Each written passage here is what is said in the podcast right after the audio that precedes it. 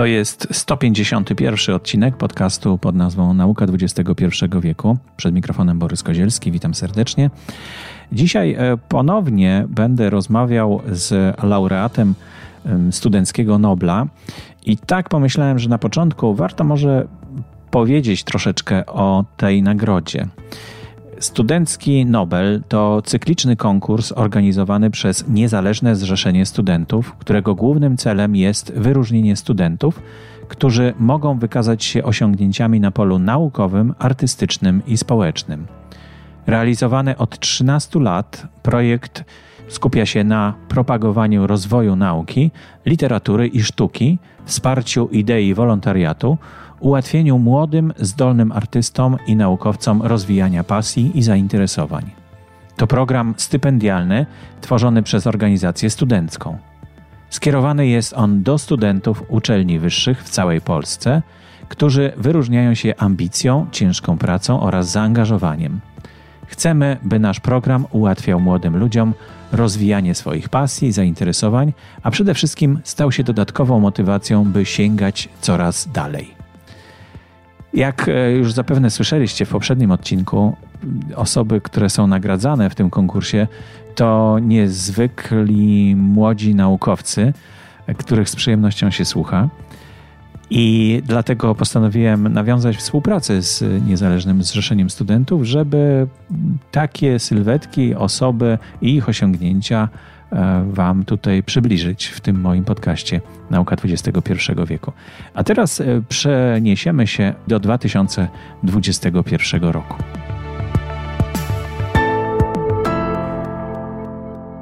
Szanowni Państwo, witamy na tegorocznej gali finałowej konkursu Studencki Nobel, organizowanego niezmiennie od kilkunastu lat przez Niezależne Zrzeszenie Studentów. Zgłoszeń w tym roku były setki kandydaci przedstawili swoimi osiągnięciami najwyższy poziom. Zatem wybór dziewiątki z nich, dziewięciu najlepszych studentów w całej Polsce dla Krajowej Komisji Konkursowej był niezwykle trudny. Nagroda Studenckiego Nobla w tym roku w kategorii Medycyna i Farmacja trafia do Wojciecha Szlasa. Serdecznie gratulujemy. All we need to do is make sure we keep talking.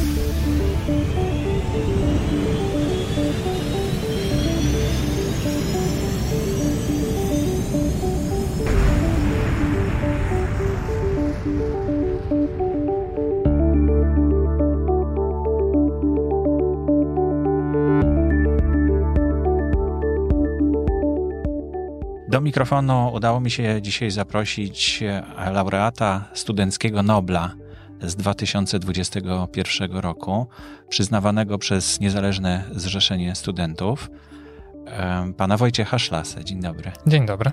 Jest pan już po studiach, czy jeszcze studia pan kontynuuje? Kontynuuję. Jestem na piątym roku Wydziału Lekarskiego na Uniwersytecie Medycznym we Wrocławiu. Mhm. To za co ten Nobel był, proszę powiedzieć, bo, tak, bo tutaj chyba to są takie nagrody za mm, całość działalności, prawda? Mhm. Tak, jak, tak jak się zdążyłem zorientować. Nie jest to tak jak tak. w tym Noblu szwedzkim, że, tak. że konkretnie tak. coś konkretnego, no bo na to mhm. trzeba czasu, prawda? Tak, tak. A wy jesteście, mówię o, o noblistach właśnie tych studenckich, tak, no, tacy na początku drogi, mhm. to trudno zorientować się, co z tego będzie. Tak. Ale pan już ma sprecyzowany mm, kierunek Mam. E, mnie najbardziej interesują nowoczesne terapie przeciwnowotworowe i tutaj można wyróżnić właśnie terapię fotodynamiczną, od której zaczynałem swoje badania i duża część właśnie tych prac, które zostały uwzględnione w, pewnie w ocenie mojego wniosku do studenckiego Nobla właśnie była o terapii fotodynamicznej. Terapia fotodynamiczna, tak, czyli tak. fotonami, czyli światłem działamy na... E, na fotouczulacze, które dostarczamy do komórek. I wtedy, Aha. jeśli mechanizm działania właśnie takiej terapii fotodynamicznej polega na tym, że za pomocą świa- no, światła określonej długości fali wzbudzamy sobie związek na wyższy poziom energetyczny i potem, kiedy ten e, związek no, nie może długo trwać na tym stanie wzbudzonym. On schodzi w dół jakby energetycznie, jednocześnie wyrzucając wolne rodniki tak naprawdę, indukując ich wyrzut w komórce. Ale to już w, w, w komórce. Tak, to już w komórce. Czyli najpierw jest y, wzbudzany poza komórką? Tak? Wszystko zależy od mechanizmu. Więc tak, jeśli lek wchodzi do środka komórki, no to lepiej, żeby wydzielał właśnie te wolne rodniki wewnątrz komórki, żeby indukował ich wydzielanie. Ale myślę, że też można by robić badania w płynie zewnątrzkomórkowym, ale jeszcze tak, w sensie tego się nie robi po prostu. Aha. O tak, idea jest Czyli ciekawa po na prostu pewno. świeci się na... Komórki, komórkę. które mają w sobie Mhm. lek, o tak, albo No związek to czym, to się, czym to się różni od takiego wyjścia na słońce na przykład? E, Nie mamy fotouczulacza, ale tro, dobry pan temat e, dał, ponieważ jeśli na przykład jesteśmy leczeni psoralenami czy innymi jakimiś lekami, które są fotoczułe, no nie możemy wychodzić na słońce, Aha. bo wtedy miałby pan właśnie efekty takie no toksyczne na organizm, Mhm. prawda? No bo słońce ma pełne spektrum Tak, światła tak, i te, tak. te promienie, o których pan mówi, te specyficzne też tam tak. będą. Dokładnie, jak się poświeci właśnie światłem białym, no to się wzbudzi wszystko, co w sumie jest w świetle widzialnym wzbudzane, prawda? A jednak no, no my wykorzystujemy w naszych badaniach światło monochromatyczne, żeby też no, ograniczyć na przykład efekty grzania tych komórek Mhm. i innych takich, prawda?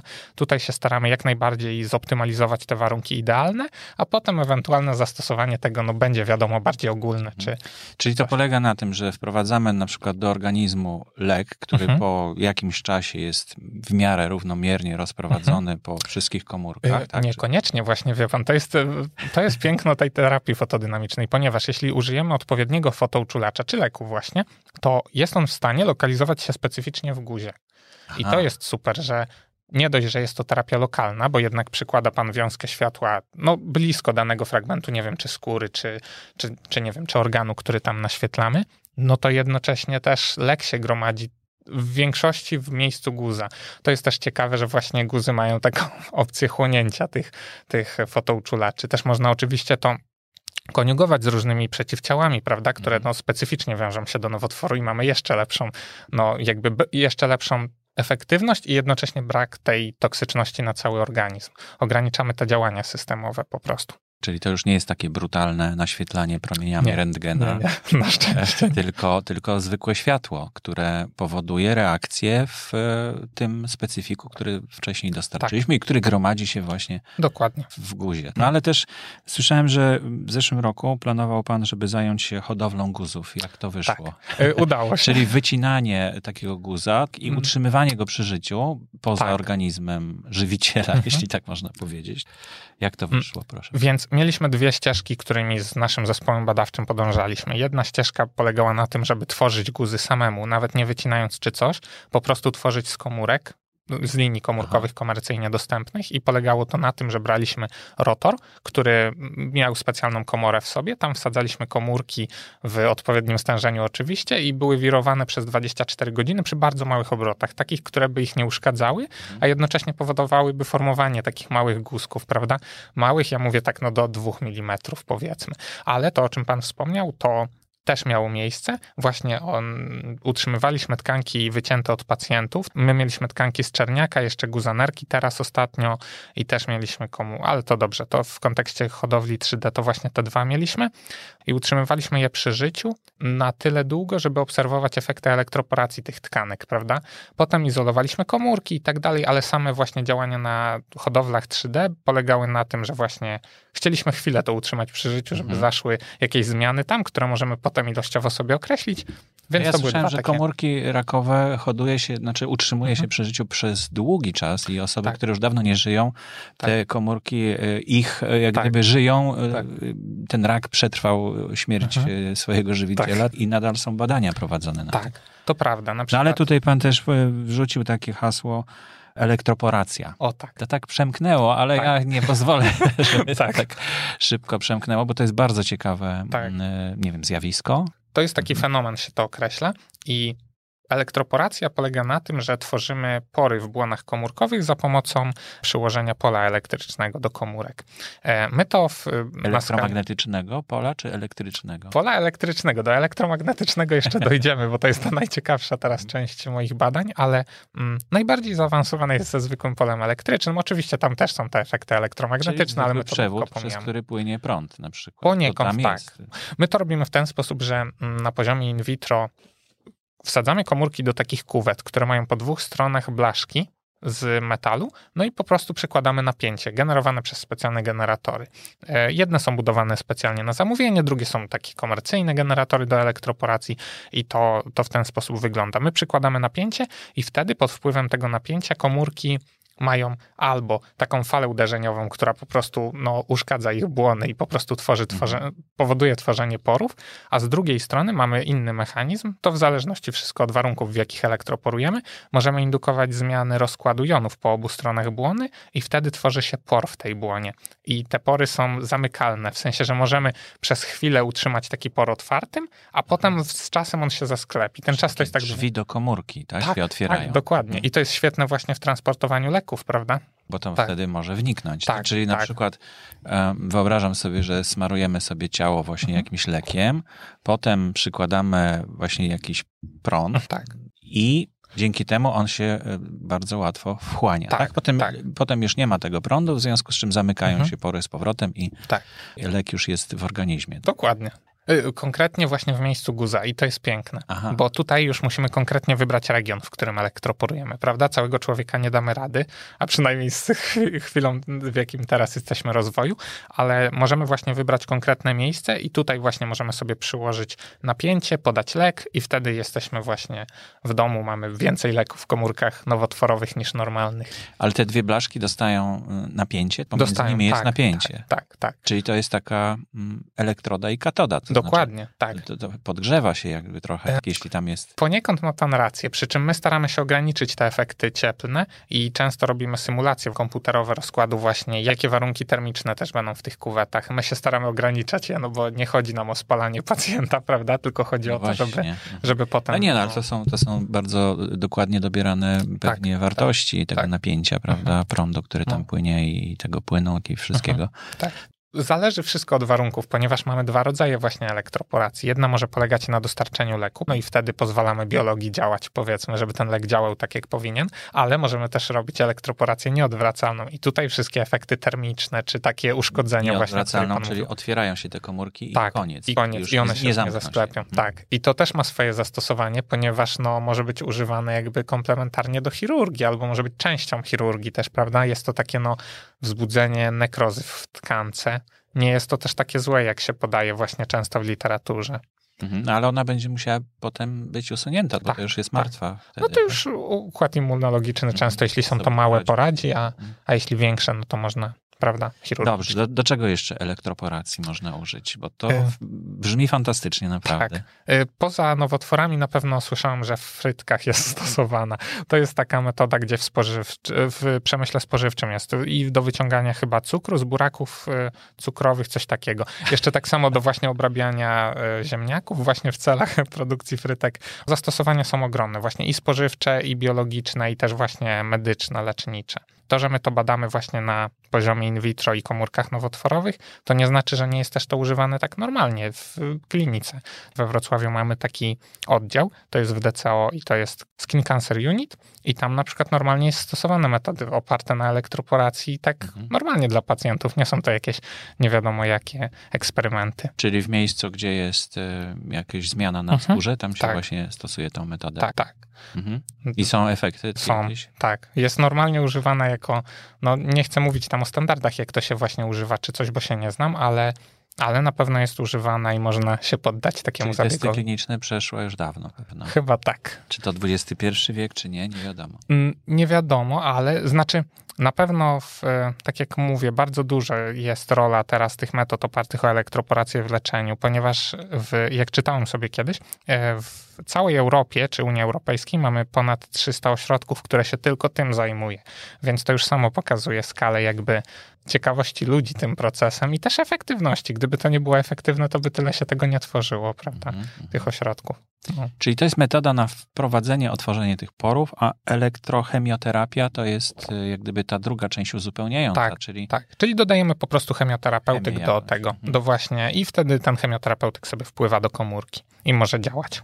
On musi być właśnie podatny na, znaczy musi się... Na przejście przez pory. Aha, To właśnie, to dobrze pan poruszył ten temat, bo dużo osób e, stara się badać, my też zresztą tak badaliśmy, związki, które są hydrofobowe albo które są amfipatyczne. No, badania są ciekawe, prawda? Bo im dziwniejsze związki, tym ciekawsze badania, ale tak klinicznie stosuje się związki hydrofilowe, dlatego że. Um, hydrofobowe, czyli które mają fobię na tak, punkcie wody. Na punkcie wody, albo hydrofilowe, które lubią, tak? tak? Są tak, przyjaciółmi. Tak, fil, tak, fil. tak. I my właśnie tutaj w przypadku elektrochemioterapii stosuje się związki hydrofilowe, dlatego że one nie będą się trzymały tej błony, prawda? Jeśli związek sam w sobie będzie się łączył z błoną, czyli w przypadku związków hydrofobowych czy amfipatycznych, czyli takich pomiędzy, no to jak my zrobimy w niej por, to i tak się nic nie stanie. Jakby związek i tak będzie połączony z błoną, tylko będziemy przez chwilę mieli por, a potem się zamknie. Mhm. Można tam badać różne rzeczy, czy tam część tego związku przejdzie. My to badaliśmy, ale tak standardowo są to związki hydrofilowe właśnie. Mhm. No dobrze, czyli to już mamy dwie metody, hmm? to znaczy elektrochemioterapia to jest y, połączenie tych, tych, tych tak, dwóch tak. metod i też fotodynamiczna terapia to tak. jest y, y, wspólnie to wszystko tak działa? Czy, czy tak, nie? no znaczy my prowadziliśmy badania nad połączeniem obu tych metod przeciwko komórkom czerniaka, no i da się to efektywnie połączyć, ale są to dwie też, jeśli chodzi o zastosowania kliniczne, są to osobne metody, ponieważ no mają też inne zastosowania. Elektrochemioterapia jest stricte używana w nowotworach na przykład. Z kolei terapia fotodynamiczna to jest wielka kontrowersja w przypadku używania jej w czerniaku. Znaczy, wszyscy podają, że nie wolno, prawda? Ponieważ czerniak też ze względu na obecność melaniny powinien być oporny na nią. No badania in vitro pokazują coś innego, ale trzeba też chyba mieć taką pokorę względem Poza tym czerniak bierze się chyba z, właśnie z promieni ultrafioletowych. Poniekąd tak, tylko że my też nie naświetlamy właśnie promieniami ultrafioletowymi. Mhm. Też da się dobrać, wie pan, warunki, które by spowodowały no, lepszą efektywność tej terapii fotodynamicznej, na przykład zmieniając kolor światła na te bliższe czerwonemu, penetracja przez tkankę będzie większa, więc można by też działać na mikroprzerzuty. Ogólnie mm, terapia fotodynamiczna jest często używana jako terapia wspomagająca leczenie. Działa to w ten sposób, że mamy guza, którego wycinamy i możemy to mikrośrodowisko guza na, naświetlić właśnie z jakimś fotouczulaczem, żeby na pewno usunąć już te mikroprzerzuty. Nie jest to zazwyczaj używane do samodzielnego leczenia tam nowotworu, mimo że badania in vitro pokazują dużą efektywność, ale tutaj wydaje mi się, że musi być ta pokora kliniczna. Mhm, czyli jeszcze czekamy na wyniki badań takich bardziej szczegółowych. Tak.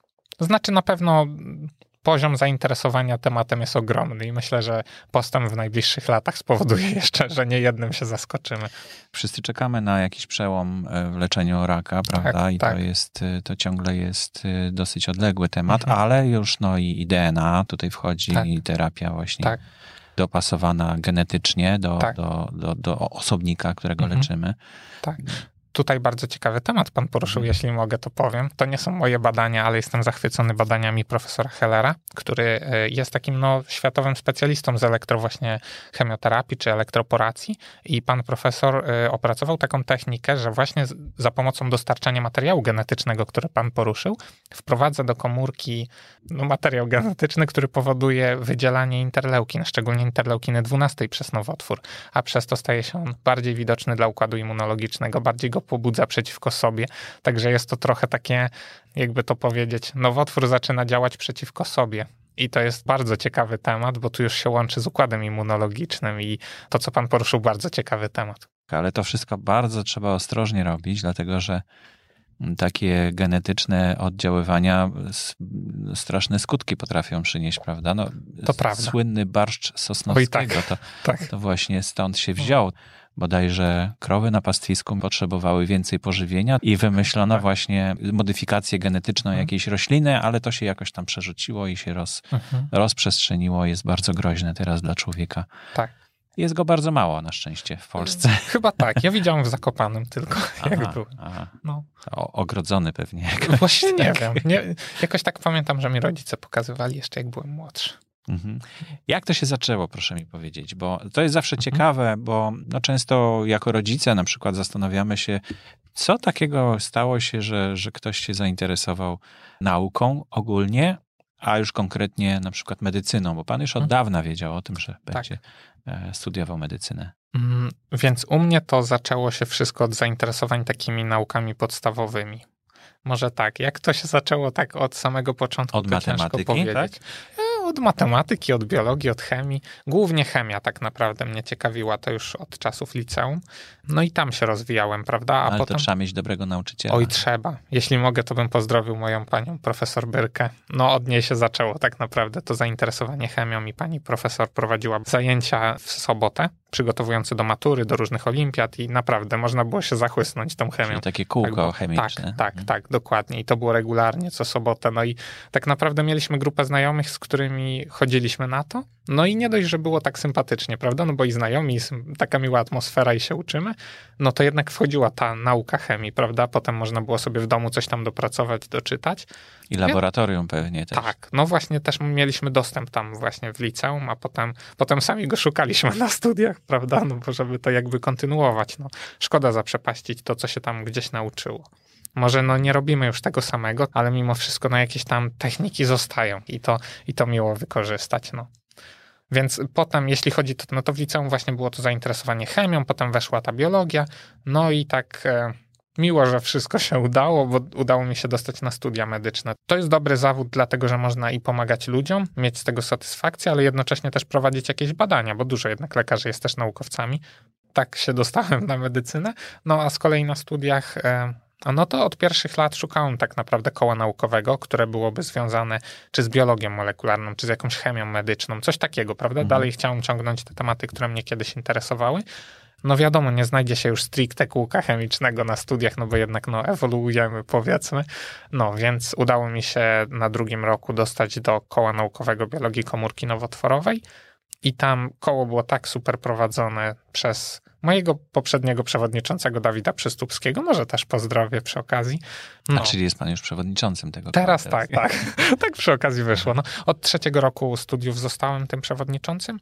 No i teraz też działamy dobrze. Tylko, że było to dla mnie takie miejsce, które pozwala się rozwinąć. O tak, szczególnie na tym początkowym etapie rozwoju naukowego. Ale co, co jest najważniejszego w takim kole? Czy to, że możecie porozmawiać ze sobą, czy to, że możecie, macie dostęp do sprzętu? Chyba dostęp do sprzętu i też właśnie życzliwość e, prowadzących koło. Mówię tutaj o paniach profesor, które prowadzą to koło. No, miło bardzo, że możemy właśnie wykorzystywać sprzęt normalnie używany w katedrze, że możemy tam prowadzić badania. No bo jednak, no co by nie powiedzieć, jest to jakieś zaufanie, jeśli wprowadza się studentów, prawda? No, Oczywiście, nie jest to tak od razu wszystko i tak dalej, ale miło, że da się zbudować jakieś zaufanie w, te, w tej pracy i to jest fajne. Bez tego by się nie dało prowadzić badań. Żeby tam się coś z tej próbówki nie wymknęło na, do świata zewnętrznego. Dokładnie, tak, tak. No, zawsze jest takie niebezpieczeństwo, ale bez tego to się to, to nie ma żadnego postępu, bez Tak, takiego ryzyka, tak. prawda? Dokładnie.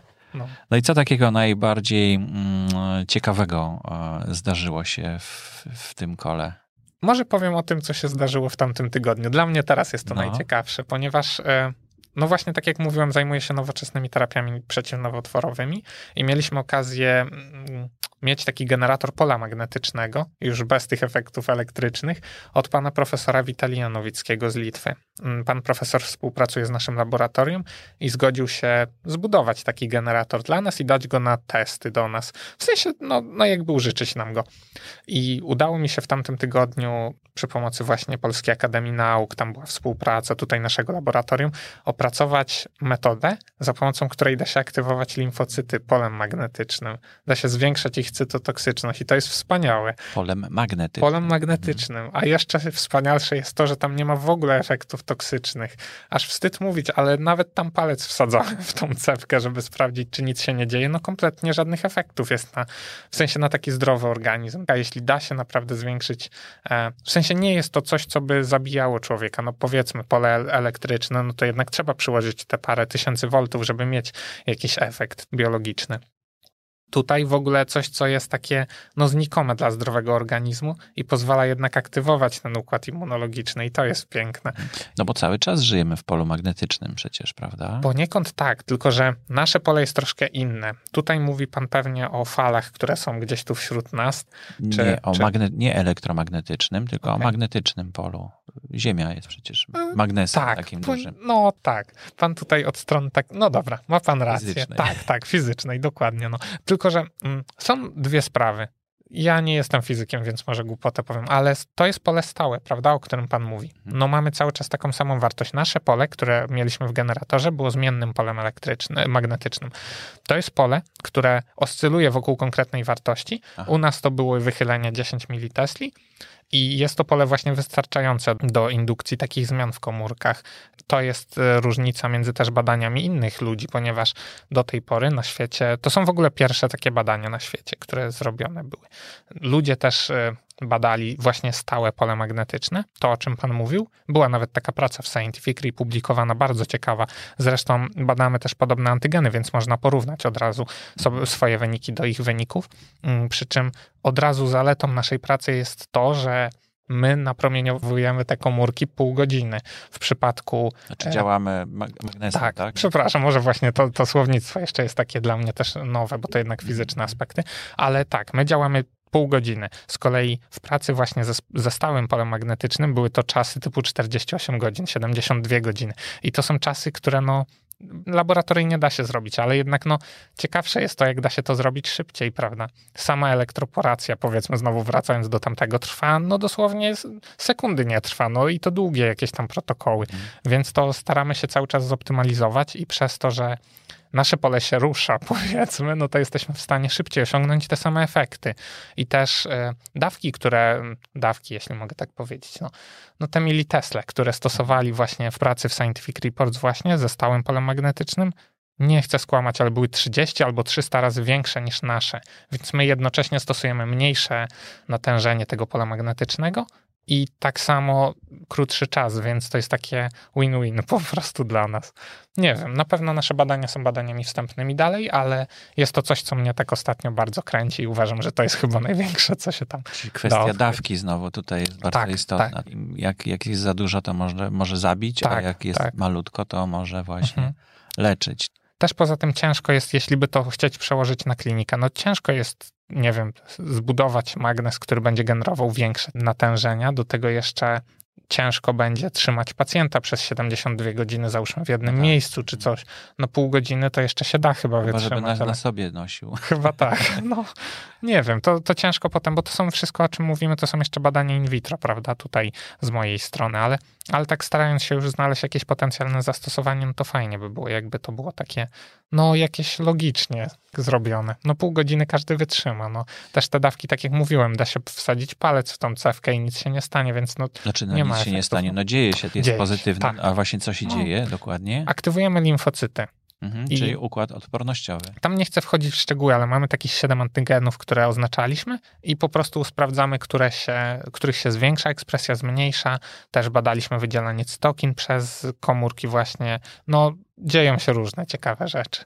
To jest, to jest taki teraz mój konik. Ale jeśli mamy jeszcze czas, mogę powiedzieć o innej bardzo ciekawej dla mnie rzeczy, ponieważ jest to taki temat, też nie było to za bardzo badane, ale za pomocą może nie elektroporacji, ale bo poracja łączy się z tworzeniem porów, prawda?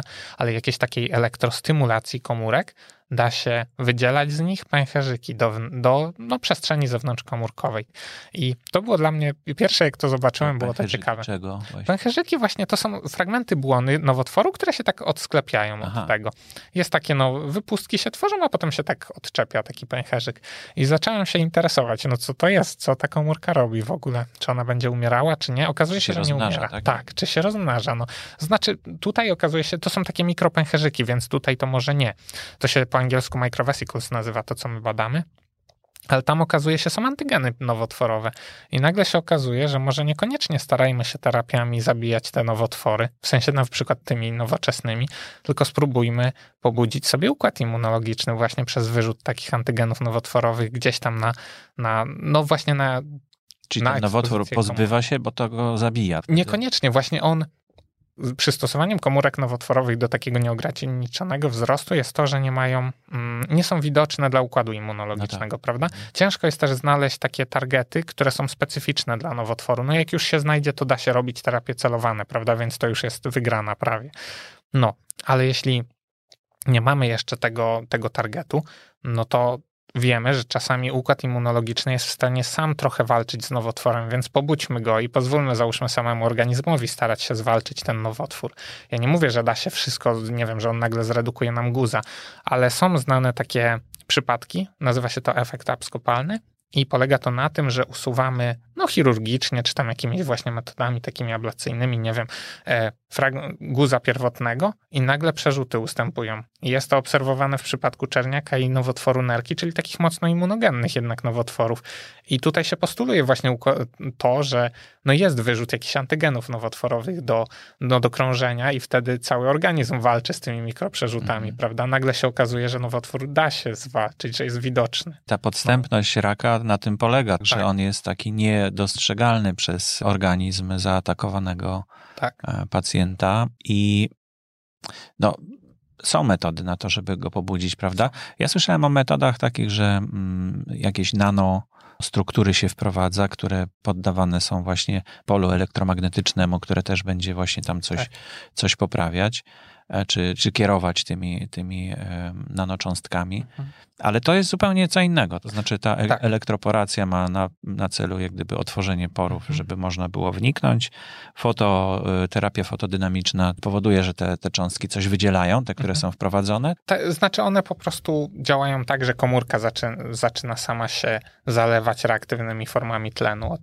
Mhm. Czyli po prostu no, będzie miała szok związany z tym. Mhm. No. Ale ciągle nie dotarliśmy do przyczyny chyba tego, przyczyny. no, tego, że powstają takie komórki w organizmie, który jest, no, wydaje się, zdrowy. I on nagle nie zauważa z takiego zagrożenia. O, no właśnie, a tutaj poruszył pan ciekawy temat, bo ja słyszałem od kolegi, który był na jakiejś konferencji właśnie onkologicznej w Stanach Zjednoczonych, że najnowsze takie definicja nowotworów, czy tak jak mówią tam ludzie na tych konferencjach, że tak naprawdę nowotworzenie to jest choroba układu immunologicznego, a nie nic. No właśnie tak jak pan powiedział, dlaczego w zdrowym organizmie mhm. nagle są komórki, które przez, przez, zaczynają się same, no nie wiem, funkcjonować jako osobny organizm w sumie w organizmie. No coś jest nie tak, prawda? Zresztą samo to, że Coś właśnie... musi je powodować, no, nie? No. Samo to, że właśnie pacjenci na przykład immunokompetentni będą, przepraszam, właśnie na przykład na immunosupresji będą... Yy, będą rozwijali pewne grupy nowotworów, też no, świadczy o tym, że jednak ten układ immunologiczny jest bardzo ważny i właśnie pobudzając go może by się dało coś tam zmienić. Jakieś upośledzenie tutaj następuje jest, chyba, jest, prawda? Tak, tak. A jeszcze chciałbym wrócić do elektroporacji. Tak. Bo mówił pan o ziemniakach, zaraz do mhm. tego może tak. wrócimy, ale przeglądając internet znalazłem też, że na przykład lifting bez skalpela można zrobić przez ten, e, tą metodą. Bardzo ciekawe to jest. Ja, jak mam być szczery, nie zagłębiałem się w te takie pozanowotworowe aspekty tak mocno, ale właśnie zastosowanie, tak jak pan mówi, no super ciekawe rzeczy można robić. No w dermatologii czy w jakiejś medycynie mhm. estetycznej tak samo ogromne rzeczy. No. A to można sobie kupić? E, kupić Takie zabieg, narzędzie, tak, ale urządzenie? myślę, że generatora nie. To są jednak za duże ceny, nawet dla osób, które by chciały, ale no, ale na pewno zabiegi... A tam nieduże napięcia są, prawda? Tak, nieduże? Zależy w tak? czym. Aha. Zależy w czym, bo na przykład tak, my na potrzeby właśnie terapii przeciwnowotworowej, no to stosujemy w zależności oczywiście od protokołu. Jeśli robimy impulsy mikrosekundowe, to używamy tak powiedzmy 1000 V na centymetr takiego napięcia. Z kolei jeśli używa, e, badamy impulsy nanosekundowe, czyli ta do wydzielania pęcherzyków mhm. i tak dalej, o którym mówiłem, no to tam już dochodzi do, no nie wiem, 10-15 kV na centymetr, więc to już są duże wartości według mnie. O i tam na przykład, kiedy by się jednak samemu dotknęło tych elektrod czy coś, no to byłoby poważne, no poważne straty. O, może nie zabiłoby, ale, ale, ten, ale na pewno byłyby jakieś tam mocne zmiany na skórze. Mm, do tego też e, w przypadku właśnie elektroporacji wchodzi właśnie napięcie mięśni dużą rolę i może o to chodziło w tym zastosowaniu, co pan mówił, że do liftingu, A, mm. bo jednak e, podczas właśnie zabiegów to jest często, często mówią to ludzie, którzy się zajmują na przykład badaniami na myszach. Ja tego nie robię, ale, ale tam ludzie mówią, że jednak jak się używa elektrod zwykłych, takich co my standardowo dla, dla komórek i tak dalej, no to naprawdę taka myszka może dostać takiego skurczu mięśni, a potem tak samo się to na pacjentach obserwuje jednak, że no są jakieś te skurcze mięśniowe, że może to jest mechanizm, w którym się ten lifting jakoś tam działa, że nie wiem, mhm. stymulujemy ten mięsień, on będzie bardziej napięty. Ciężko mi powiedzieć, ale na pewno ciekawy i na pewno mechanizm tam jest sprytny. Mhm. A co z tymi ziemniakami w takim razie? Jak zrobić frytki? Oj, ciężko mi powiedzieć. Ja to usłyszałem właśnie od pana profesora z Litwy, że, że oni tam e, badali, no, czy, czy słyszał sam o takich badaniach, czy coś, ale no zastosowanie też w, gosp- w takim gospodarstwie, czy tam jakichś uprawach, no super ciekawe.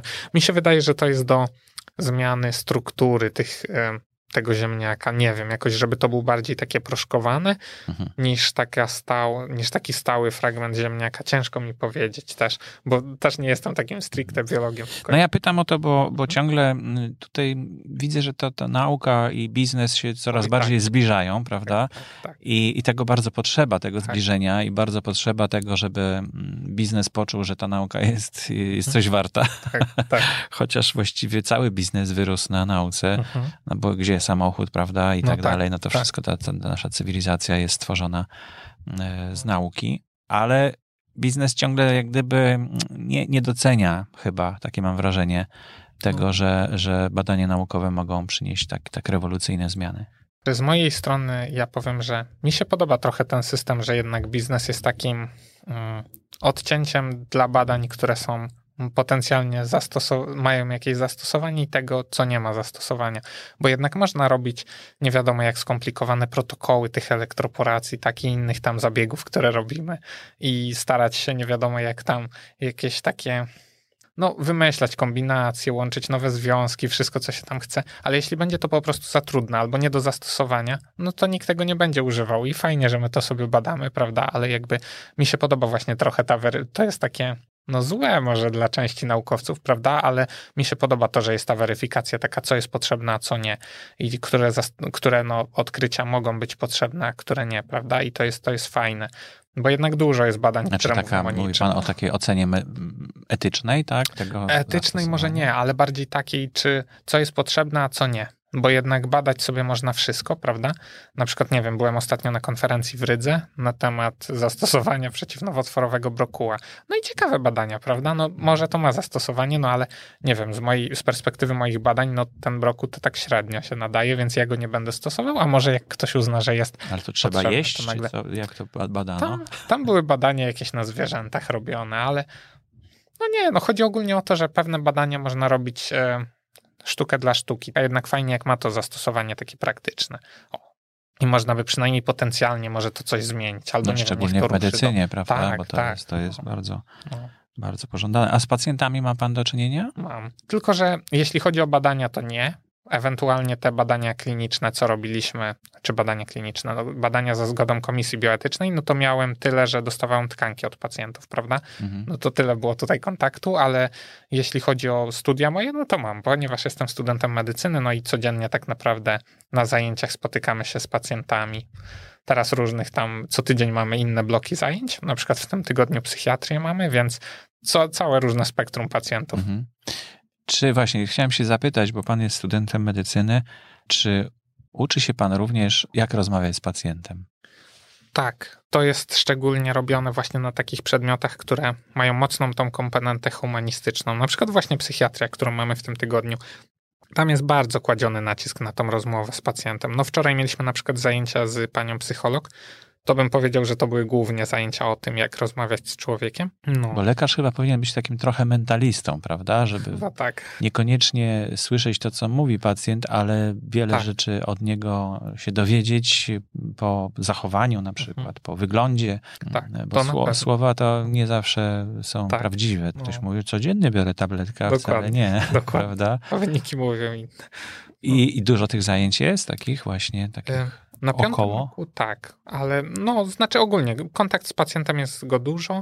Mm, na pewno nie będzie tak, że się skończy studia i będzie się idealnym lekarzem, prawda? No ale z czasem no to mamy też staże, mamy praktyki jakieś wakacyjne, no i z czasem będzie go tylko więcej, więc nagle może mhm. zostaniemy tymi prawdziwymi lekarzami po tych studiach. No, Oby się tak udało. No dobrze, to ale ma pan dwie drogi teraz i w którą stronę pan pójdzie? W obie strony jednocześnie można ja iść? Ja bym bardzo chciał, tak. I widzę właśnie po osobach u nas na uczelni, że niektórzy sobie tak radzą świetnie. Że no, i naukowe, tak. I ścieżka naukowa i jednocześnie tak, tak. ścieżka taka medyczna, lekarska. Mhm. mhm. To by było idealnie właśnie dla mnie. Chciałbym bardzo tak umieć połączyć to. Mhm. No to w klinikach można chyba. W klinikach tak, tak, tak. No. Na uniwersytecie w ogóle u nas szpitale są kliniczne, więc, więc jakby to się, to się musi łączyć ze sobą. Mhm. Jaki grant, który pan otrzymał, taki pomógł panu najbardziej w rozwoju? Więc tak, z grantów, które już mam, to to jest e, Studenckie Koła Naukowe Tworzą Innowacje. Jest to grant na koło naukowe bezpośrednio. E, no i jest to grant Ministerstwa Edukacji i Nauki. Mm, jest to grant na, my mamy około 70 tysięcy złotych na tym i ten projekt właśnie pozwolił ruszyć w tą stronę immunologiczną. Tam badania są bardzo drogie i się nie oszukujmy, to bez dużych pieniędzy się nie da tego badać za bardzo, no bo jednak no, trzeba określać całościowo funkcję tych limfocytów, a nie wybrany antygen 1 i, i cześć. No, to to był taki, który mi najbardziej pomógł. Um, Mamy też takie mniejsze miejskie granty, one też są w porządku. A z tych, które chciałbym się mm, starać teraz, czy o które już się staram, to jest taki bardzo ciekawy program nowy, ministerialny mm, i to jest y, Perły Nauki. To jest taki grant, który zastępuje diamentowy grant. To są Aha. kwoty rzędu 240 tysięcy na badania. I właśnie został przeze mnie złożony taki grant. To mam nadzieję, że się uda go dostać. Tam wyniki są chyba gdzieś w okolicy wakacji. To by na pewno bardzo mi pomogło. To jednak, co by nie powiedzieć, im większe pieniądze, tym ciekawsze badania można robić. No, no. tak. No. E, już rozmawialiśmy tutaj w podcaście z diamentowymi grantami, o. właśnie z, z laureatami. Mhm. E, no i to są fantastyczne e, tak. wyniki, które właśnie można skupić się na, na jakichś konkretnych badaniach no. i bardzo ciekawe są efekty. Tak, tak. Czekamy w takim razie, kiedy to będzie można używać tego w, w normalnej terapii, bo to na razie tylko w klinice się s, s, sprawdza ewentualnie skuteczność. Mówimy o tym polu magnetycznym, no, na tak? Na przykład. Mhm. No to, to są w ogóle badania jeszcze takie Pionierskie. w pieluchach, tak. Mhm. To po, trzeba jeszcze długo czasu, ale mam nadzieję, że jakoś się przyczynimy do tego, żeby, żeby to poszło w stronę takiego zastosowania klinicznego. A co pan myśli, jeśli, bo zawsze jest też taki problem z tym biznesem, mhm. że jeśli wymyśli się coś, co jest y, bardzo tanie, mhm. ale nie przynosi żadnego, e, no właśnie bardzo tanie, bo nie przynosi żadnego dochodu mhm. dzięki temu, no to biznes się tym nie zainteresuje, prawda? A może to, to być prawda. rewolucyjna zmiana? Tak, tak. A, I że, że no, taka. Wyobraźmy sobie, że na przykład um, ktoś wymyślił energię, która jest y, prawie za darmo, mhm. albo za darmo w ogóle ze słońca, nie wiem, że łatwo uzyskiwać tę energię, no to, to nagle wszyscy przemysłowcy, którzy mają, mhm. e, nie wiem, rafinerię, sprzedają prąd i w ogóle węgiel, no nagle tracą tracą mhm. swój dochód, także no tak. tutaj też obserwuje pan takie dylematy, czy... Mhm. Bo też pan mówił o tym, że te, że te pola magnetyczne nie muszą być jakieś wielkie, prawda? Tak, nie, tak. nie muszą być olbrzymie, tylko mhm. wystarczy drobne jakieś tam. Tak. I to pewnie łatwo jest y, też wywołać takie. Mhm. To już w kontekście budowy tych maszyn, to tutaj y, pana profesora można by zapytać. Myślę, że on trochę się nad tym natrudził, ale tak jak pan mówi, no nie jest to nic pewnie jakiegoś specjalnie kosztownego, nie wiem też, ale mm, w kontekście tego, co pan mówił o tych lekach, załóżmy, które byłyby ta, które, na które by cierpiało mało osób i przez to nie opłacałoby się na przykład ich produkować. To właśnie jest taki problem teraz też na świecie. Są te choroby rzadkie, które, no nie wiem, cierpi w Polsce załóżmy dwie, trzy osoby. No i żadna duża firma nie będzie, załóżmy, robiła badań, które mhm. no, pochłoną miliardy złotych, załóżmy, żeby tylko wprowadzać leki, które są dla dwóch osób na przykład. Na szczęście jest to chyba robione tak, że typuje się jakieś nie chcę też skłamać, ale powiem, jak mi się wydaje, że są grupy, które jakby produkują te leki i to, to jest ogólnie informacje na cały świat podawane, no bo jednak jak u nas w Polsce będą, nie wiem, pięć osób chorych na daną chorobę rzadką, gdzieś tam w Niemczech będzie 10, nie wiem, we Francji 13 czy coś, no to nagle się uzbiera grupa, dla której no potem, no można produkować te leki, tak? Tylko no. To, to są to te pozytywne problem. strony globalizacji. Tak, dokładnie, dokładnie. No cóż, to gratuluję. 33 profesorów z Polski e, wybrało pana do Aha, tej tak, nagrody. Tak, tak. I życzę powodzenia w takim razie. Dziękuję bardzo. Pan Wojciech Szlasa był moim gościem. Dziękuję, Dziękuję bardzo.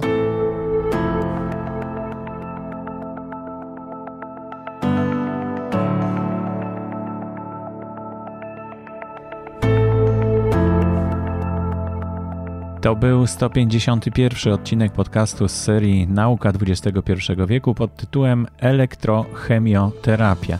ale tak jak słyszeliście, wiele innych e, terapii zostało tutaj zaprezentowanych i no, według mnie to jest duża nadzieja w tych młodych ludziach, którzy sięgają po właśnie multidyscyplinarne jakieś rozwiązania i przyglądają się temu z bardzo bliska i z takim dużym zaangażowaniem i z taką pasją, jak właśnie mm, Wojciech Szlasa.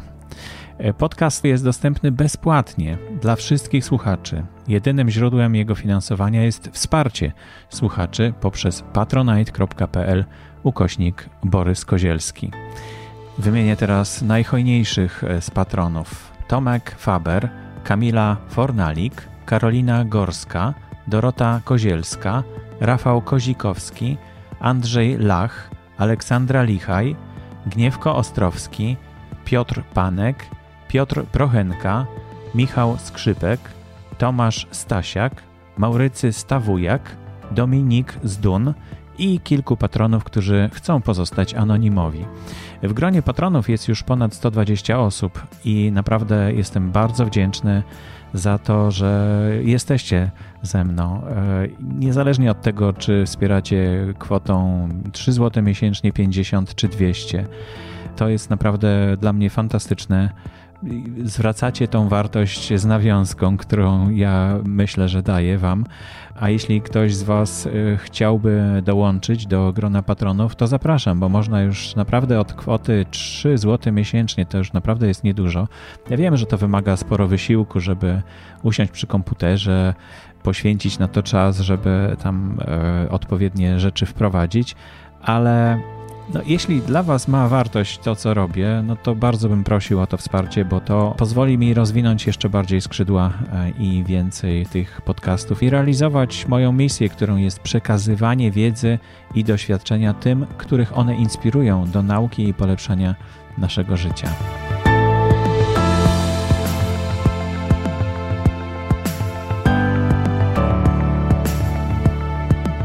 Coraz więcej słuchaczy słucha przez serwis YouTube i tam padają też komentarze, na które postaram się mm, znaleźć odpowiedź, to znaczy zapytać rozmówców o odpowiedź na mm, te pytania tam zadawane w komentarzach. Ale pamiętajcie o tym, że mm, taką najlepszą drogą jest y, po prostu nagrać e, swoje pytanie na sekretarkę automatyczną numeru 737 893 825 i te pytania ja zbieram, e, raz na jakiś czas odsłuchuję tę tą sekretarkę, to co tam jest nagrane i wtedy szukam odpowiedzi na te pytania, które tam zostały zadane. Można również zadać pytanie poprzez stronę internetową speakpipe.com ukośnik nauka. Oczywiście nie zapominajcie, że zawsze można do mnie napisać na e-mail boryskozielski małpa gmail.com. Odpisuję na każdy list. To wszystko już w dzisiejszym programie. Bardzo dziękuję. Do usłyszenia.